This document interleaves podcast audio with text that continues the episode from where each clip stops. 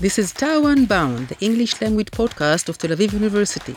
Please welcome your host, Ido Aharoni, Tel Aviv University's graduate, member of the Board of Governors, lecturer, writer, and veteran diplomat. Welcome to our new episode of TAU Unbound. I'm Ido Aharoni, your host, and I'm really pleased to host today in the studio uh, a long-standing acquaintance of mine, Professor Dr. Yael Sternhell from the Department of History, whose specialty is American Studies. Welcome to our podcast. Hello, hello. Thank you for having me. It's such a pleasure to uh, to see you again and to spend some time with you and, and learn, first of all, about your own life experience, about your academic work, and of course, about your department and, and, and where you'd like to um, to take the department in the future. So why don't we start with yourself? Tell us a little bit. I know you were born into an academic family. Yeah. Both parents. I mean, I you know, my personal history is pretty uh, straightforward um, in the sense that I come from an academic family. I was sort of raised into it. It's always been very natural for me to imagine myself as uh, becoming an academic.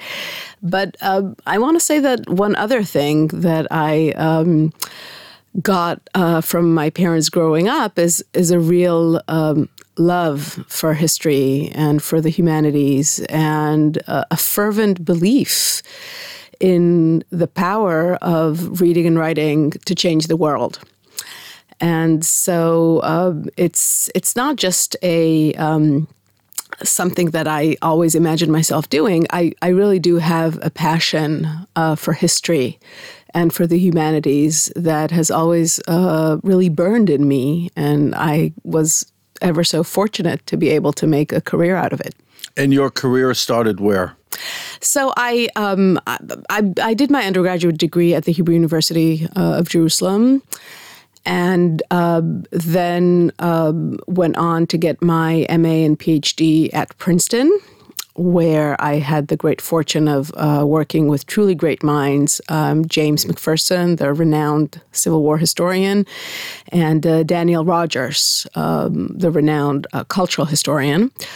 And um, the reason why I chose um, this uh, particular field, why I wanted to specialize in U.S. history and specifically in the history of the long Civil War era, um, partly derives from the fact that I spent some time in the US as a child when my father was on sabbatical and was just indoctrinated into the American mindset. I'm, I'm a, a real success story of uh, Black History Month, uh, where I sort of first fell in love um, with this history and uh, found it just so that it, it, it spoke so um, clearly and deeply to me. Um, now, how, how, many years did you spend as a child? In this? Not many. I spent uh, second grade and then uh, part of tenth grade. So it wasn't, uh, in terms of years, uh, it, it, doesn't add up to that much, but these were very formative periods in my life. We all have these times in our childhood that change us, that make us who we are. And for me, it was clearly the time that I spent in the United States as a child. In other ways, though, the, the reason that I ended up um, studying um, Southern history, Civil War history, I think uh, goes even deeper and and has to do with the fact that in some ways, for me, it's a way to process um, my own family's history in World War II but in a setting um, that is less personal and uh, in which I feel more. Um, perhaps secure emotionally. Um, I don't have to work on uh, the disasters and traumas of my own people, um, and I and I work on the disasters and traumas of uh, uh, other peoples, uh, both uh, white Americans and Black Americans, and in some way that that is, I think, at the end of the day, the real reason why I ended up being a scholar of the American Civil War and its aftermath uh, more now, than anything else. For the benefit of our listeners and viewers that are not familiar with your own personal family history in Europe, uh, why don't you tell us a little bit about that? Um, well, my father was born in 1935 in Poland and um, lost his father very early on in the war. Um, and then uh, entered uh, his town's uh, ghetto with his mother and his sister. Uh, who were taken to Auschwitz. Uh, well, he he had the extraordinary um, good fortune of uh, being placed with his aunt and uncle, who were able to take him out of the ghetto because his uncle had a work permit um, outside of the ghetto, and he received help from non-Jews, and uh, they were able to make it through the war in a city that is now that has been in the news in recent years, uh, Lviv. Um, where they uh, converted to Catholicism, uh, lived as Catholics, and got through. And um, in 1947, after it became clear that Poland was very unhospitable to Jews, even in the aftermath of the war, uh, my father left for France, where he spent four years with uh, a different aunt who had moved there um, in the 1920s and took him in. And he spent four years there um, in school, making up for the lost years of the war where he could not go to school. And then when he was 16, um, migrated to Israel alone uh, as part of a, a, youth migration movement. And as a survivor, what, what made him so so unique uh, your father, the late uh, Professor Zev Sternhell, is the, the fact that he was such a staunch supporter and a, such a significant voice, uh, you know, supporting humanism and tolerance. Right. So, so my father then went on to spend uh, the rest of his life uh, doing two things, other than being an extraordinary father. Um, one is to be a scholar of fascism. And he, he basically spent the rest of his life trying to understand what happened and what were the f- deep cultural forces that made his world fall apart when he was four years old. But then the other thing um, that he spent decades doing um, was was trying to make Israel the kind of country uh, that he could be proud of, a country that respects civil and human rights, a country that treats everyone as equals, a country that uh, learned and uh, internalized the lesson of Europe's great catastrophe. Um, and he fought um, without uh, without fear, uh, without hesitation uh, against uh, Israel's control of the territories occupied in 1967. He fought for um, social justice within Israel. He was deeply committed to a set of causes that all of them basically came down to one fact that we are all human beings and we all deserve to be free and happy. Life, liberty, and the pursuit of happiness, um, in the words of Thomas Jefferson. And uh, he died three years ago at the age of 85, um, having really left a legacy, of course, both in my own life, but, but I think for Israel more generally, uh, in terms of what it means to be an engaged intellectual and uh, what intellectuals uh, can do in society, what they owe to society uh, lessons that I think re- resonate really powerfully, uh, maybe especially these days. So these are the, the the foundations, your family foundations, also your intellectual foundation. Yeah, in some ways that's true. Led you to the study of, of right. what happens in what happened in the United States. So tell us first about your PhD. I'm, I'm curious to know about that. Right. So my PhD dissertation, you know, it's I I started working on it when I was 28, which in hindsight seems very young, though I didn't feel young back then. But um, my my dissertation was about um, the experience of spatial mobility in the Civil War.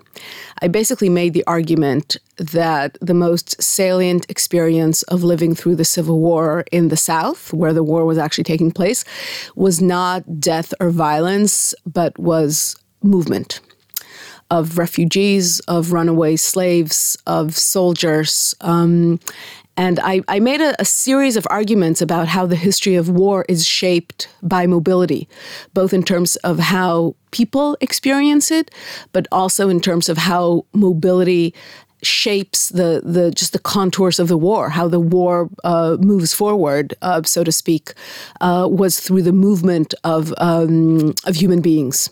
Now, when you say mobility, if you can elaborate, what does it mean for the for our viewers? So basically, we tend to think about war as happening either on the battlefield or on the home front. But the Civil War, as I argued in the dissertation that became a book, took place very much on the roads and the fields that connected the battlefield and the home front. Uh, whether it is slave emancipation, which happened in movement um, the, the way that slavery broke down in the United States was not through an armed revolt, but through the movement of hundreds of thousands of enslaved men and women who took the opportunity of uh, the Union invasion into the South um, to flee their places of bondage, um, joined the Union Army, and had a tremendous impact on destabilizing the South, denying Southern slaveholders their labor, and encouraging the United States government to commit to slave emancipation.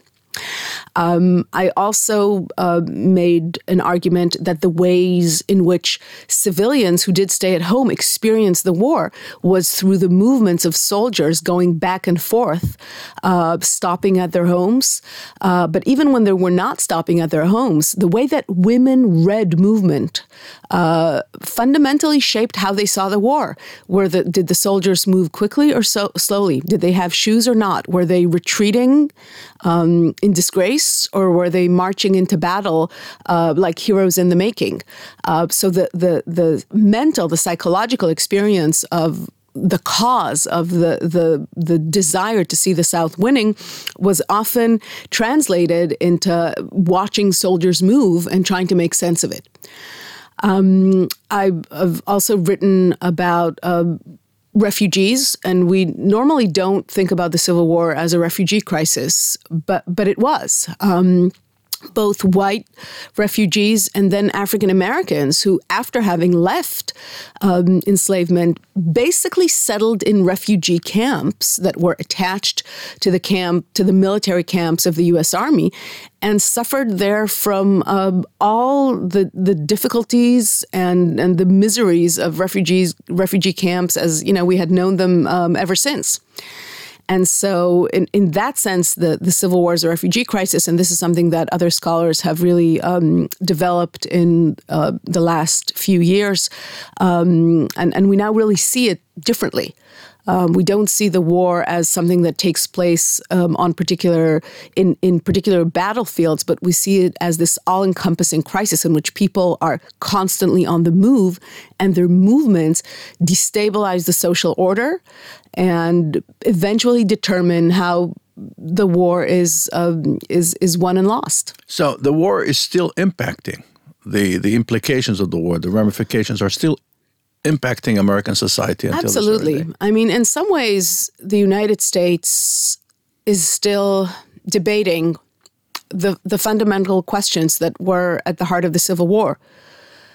Who owns America, or whom does America belong to? Uh, is everyone who is in America and makes a claim on American citizenship deserve to be a citizen? Um, is America a white man's country, or does America belong to people of different colors, ethnicities, and backgrounds? Um, in some ways, the debate about immigration is not that different in my mind than the debate about slavery, uh, because it's a debate about who gets to be treated as a full fledged human being and who can be tolerated as long as they're doing the labor that other Americans need from them and and full access to opportunity, which is the big issue. Exactly, and access to opportunity. I think that's absolutely true. The the question of what is equality. Um, are everyone is everyone in America truly equal, and what does equality mean?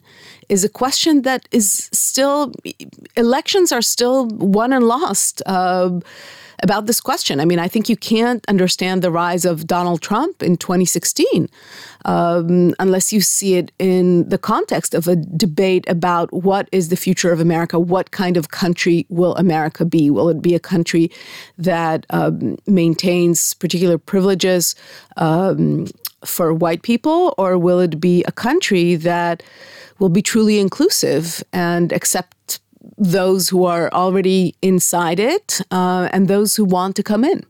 Now, we live in the age of information overload, which obviously contributes to polarization, flattens the conversation, lack of Absolutely. nuance. So, what do you where do you think America is going based on what you learned about the Civil War Look, I mean, I think, and, and this is not just my sense of it, but I think many uh, of my uh, colleagues and, and, peers who study uh, the Civil War era feel that uh, America has not been this divided since the Civil War. And in some ways, the last few years have really felt like the 1850s, meaning a country in which two populations simply do not see the world in the same way and cannot even agree on the basics anymore.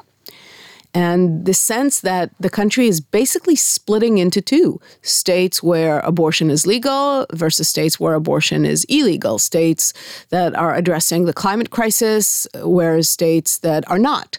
Um, that that's in some ways that's a, a sort of a, a, gradually dividing America that is not fighting a war. Uh, it is all mostly done um, nonviolently, though you could definitely argue that the January sixth insurrection um, was a form of violence that could absolutely seen as uh, harboring or um, portending a civil war that that uh, that could break out. But to go back to your point about mobility, which I find I'm, I'm, very curious to hear what you think about that phenomenon.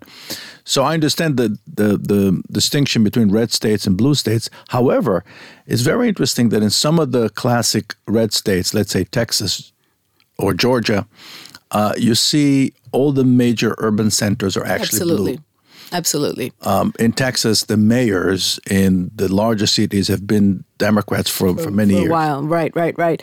No, I think it's, listen, it's much more complex than it was uh, 160 years ago. And even then, by the way, it was quite complex. Even then, there were regions within the South w- where slavery was not a major force, which uh, uh, regions where uh, much of the population uh, objected to secession and wanted to stay part of the United States and resolve the questions uh, politically rather than militarily. So it, it wasn't that simple even back then, but it's definitely much more complicated now. And the urban rural split in America is as salient um, and and often volatile as the split as the split between uh, red and blue states. I think that's that's absolutely correct. Um, but but you know I think it's the last year or two have been a little calmer. But if we go back to uh, how things felt in 2019 or 2020, um, there was a real sense that America. Um, that that you know armed militias, considering the fact that there are hundreds of millions of guns um, held freely by uh, Americans, uh, that that we could quite easily imagine armed militias. Uh, starting to fight each other on the streets of the United States. And again, in some ways, the January 6th insurrection was a moment uh, of, of that sort, which was no. which ended quickly, but was uh, transformative in many ways because it it it really uh, brought into sharp relief the possibility that violence, that political violence, could break out on a mass scale in the contemporary United States. Now, based on your knowledge and your experience, is there any hope for the American political center to be reinvigorated yeah. anytime soon? I mean, you know, that's that's a good question. Um, look, I this is an age. I think that the this question is part of a larger question of, of can democracy withstand the onslaught of social media and the information overload and the, the changes in how we consume information and how we consume with our fellow citizens. And I don't know what the answer to that. And I wish I felt the answer was yes, absolutely, but but I'm not so sure. Um, I think human society is changing with technology, and democracy is uniquely vulnerable to the new ways in which human beings consume information and and shape their understanding of the world. And so, as long as Americans can no longer even agree on facts and as long as Americans have sort of retreated into really speaking only with the people with whom they agree, and I'm not, you know, I'm not judging. I do pretty much the same in Israel, to be honest. Um, then, then uh, I, I don't quite see how the, the center of the 20th century can uh, be be reborn or reinvigorated, as you said. Um, I think this is, we still don't know where this is going and whether we need to take proactive states as societies, as countries, to, to recreate other modes of communication, which will allow people who share the same country and have a, a mutual obligation towards one another um, communicate and, uh, and, and uh, hate each other less, honestly. Well, there's an argument that the Constitution, which was written many, many years ago, was written in a different world.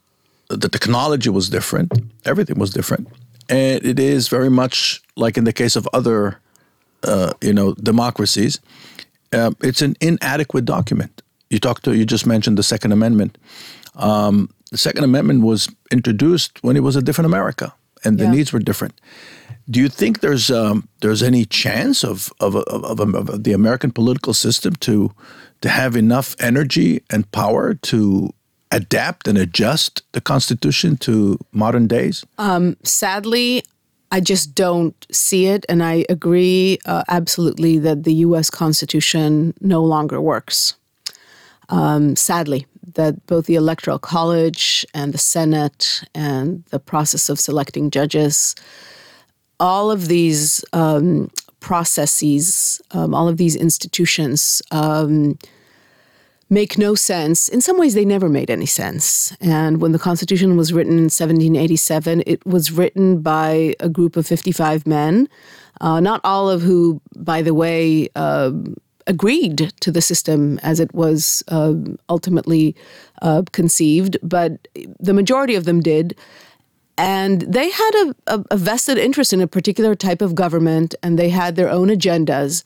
And they created a system that was, in some ways, intentionally undemocratic and allowed power to be held by particular centers or by p- particular actors within American society. And so we, we have a set of uh, really crucial American institutions which um, are difficult to sustain, um, have always been difficult to sustain. But but I think that the the fact that elections are um, now becoming such uh, fraught events in terms of the possibility that the electoral college uh, will simply not reflect uh, the the popular vote. That's that's a real problem in a democracy. That's a real problem, um, and and so I you know I think there are uh, urgent repairs that need to be made to the Constitution. But but in order to repair the Constitution, in order to amend it, you need two thirds of both houses of Congress and the agreement of three fourths of the states. And I, as an outsider observing the United States, just cannot see this. Just can't imagine a scenario in which three fourths of the states will agree to fundamentally alter uh, the American system of governance because too many states and too many populations benefit from the system as it now exists. And so, in that way, I mean, you know, I have great faith in American civil society. Um, I think that we, we can't um, disregard the fact that America as a democracy has been um, solid and stable uh, f- since the first election in 1788 89. And that's a huge accomplishment, which no other country can boast of. And I think that matters that uh, tradition and culture and a sense that democracy is who we are, that really does matter. But the way that the United States uh, is organized politically is A, far from ideal, and honestly, just completely out of step with contemporary politics in an age of mass politics, of polarization, of the information revolution. Now, before we move to uh, your, you know, your current research, uh, let's have a word about the Obama presidency because mm. um, I'm assuming that um, that it has a very special and significant place in your vision of what happened? Yeah. No, I mean, like, you know, many people, Obama's election was one of the highlights of my life as a political being. Um, and I, I, you know, I was genuinely personally moved by it. But to be honest, and I'm actually on record uh, on the morning after his election in Haaretz, in Israel's um, uh, leading uh, daily, uh, saying that I don't know what this is all going to translate into in terms of African American rights. And that there is even a way in which the election of a black president could uh, ostensibly show that African Americans have made it, and remember the the lingo of the post-racial America, and that could be really harmful, um, really harmful because African Americans are still really struggling um, economically and the gaps between black households and white households have not um, closed uh, one inch in the past 50 years. Um, I think the current rate is a black household has uh, 13% of uh, the assets of a white household. And the election of a black president doesn't really change that, to be honest. And the fact that uh, Barack and Michelle Obama are just an astounding success story uh, that that is a great role model, and I think it does matter for you know African American kids who grew up during the Obama presidency. That that it does matter. It does create this mental image of what a black man and what a black woman um, can be in America. But at the end of the day, if the same kids are still going to failing schools in neighborhoods that were intentionally um, planned by white urban planners uh, to be marginal and isolated, uh, if they don't have opportunity as children to really uh, evolve into everything that they can be, then you know the fact that Barack Obama was president is is a happy fact, but it doesn't really make that much of a difference. And I think the last few years have sort of proven that that is actually the case. Um, that in, in terms of the, the by all uh, measures, uh, there hasn't been a tangible change for the better in um, the state of the African American community at large. Now, before we started the podcast, we both talked about the, the importance of humanities in any academic institution. You know, I, I myself graduated from the Faculty of Arts and Social Studies and your history, and I feel that uh, you know we're being attacked. There's a there's an onslaught on on humanities, and um, and and tell us why do you think it's so important? Look, I mean, I, I share your sense of an onslaught, and um, it, it's almost um, unfathomable to me that in, in the current state of the world, we need to justify why studying history is important. The world is undergoing vast transformations, whether it's the information revolution, whether it's the climate crisis, whether it's the democratic crisis. You can't expect people graduating out of university to, to find themselves in this world unless they have some understanding of how the world works. You can't understand the reality that you live in unless you understand categories of gender, race, and class. You can't understand your own reality if you don't have any sense of how power works in society. And that is the kind of education that only scholars in the humanities and the social sciences and, and the arts can, can provide. Um, what we are going to end up with is computer scientists who have no sense of what it means to be human and who think only in terms of very uh, particular results to their research, who will create um, algorithms and uh, AI technologies that, that could become honestly monstrous. And I think it is in some ways more important than ever that the humanities be given the place that they deserve in order to educate people who will be able to deal with these vast transformations in uh, the, the the life that that we're you know all experiencing. I mean, we are the world is about to experience massive migration related to the climate crisis. We need to understand what it means to be a refugee. We need to understand how past refugee crises have been dealt with, how they have been resolved. We, we need to learn from the mistakes of the past in order not to end up, you know, and I don't want to sound very too apocalyptic, but with another Auschwitz and Hiroshima, because the the processes of change that the world is undergoing are parallel to the the same processes that it went through in the late 19th and early 20th century.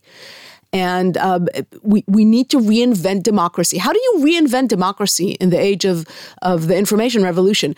If your citizens don't know anything about the history of democracy if they if they haven't taken one class in philosophy in political philosophy and, and, and they don't understand even what the system means right? If the, if the only thing that they consume are slogans that they're fed that they're fed on Facebook and Twitter and so I think considering what a fragile and precarious and dangerous moment this is for the world, it is absolutely clear to me that we should all be invested in making sure that young people have the the mental and intellectual equipment they need to deal with a world that honestly is not going to be an easy world to live in. Well, I, I I, we know we could talk about this for hours, but I'd like to end our podcast with this really call to action. Basically, what you just said is a, is a call to action to our friends out there, our listeners and our viewers, to understand how important it is to support uh, history, study of history, and the study of humanities and social studies. And I would like to thank you for that. Our time is up, unfortunately, but um, I'd like to uh, um, to invite you again very soon to continue this conversation. You. It was a pleasure. Thank you, Ido. Thank you.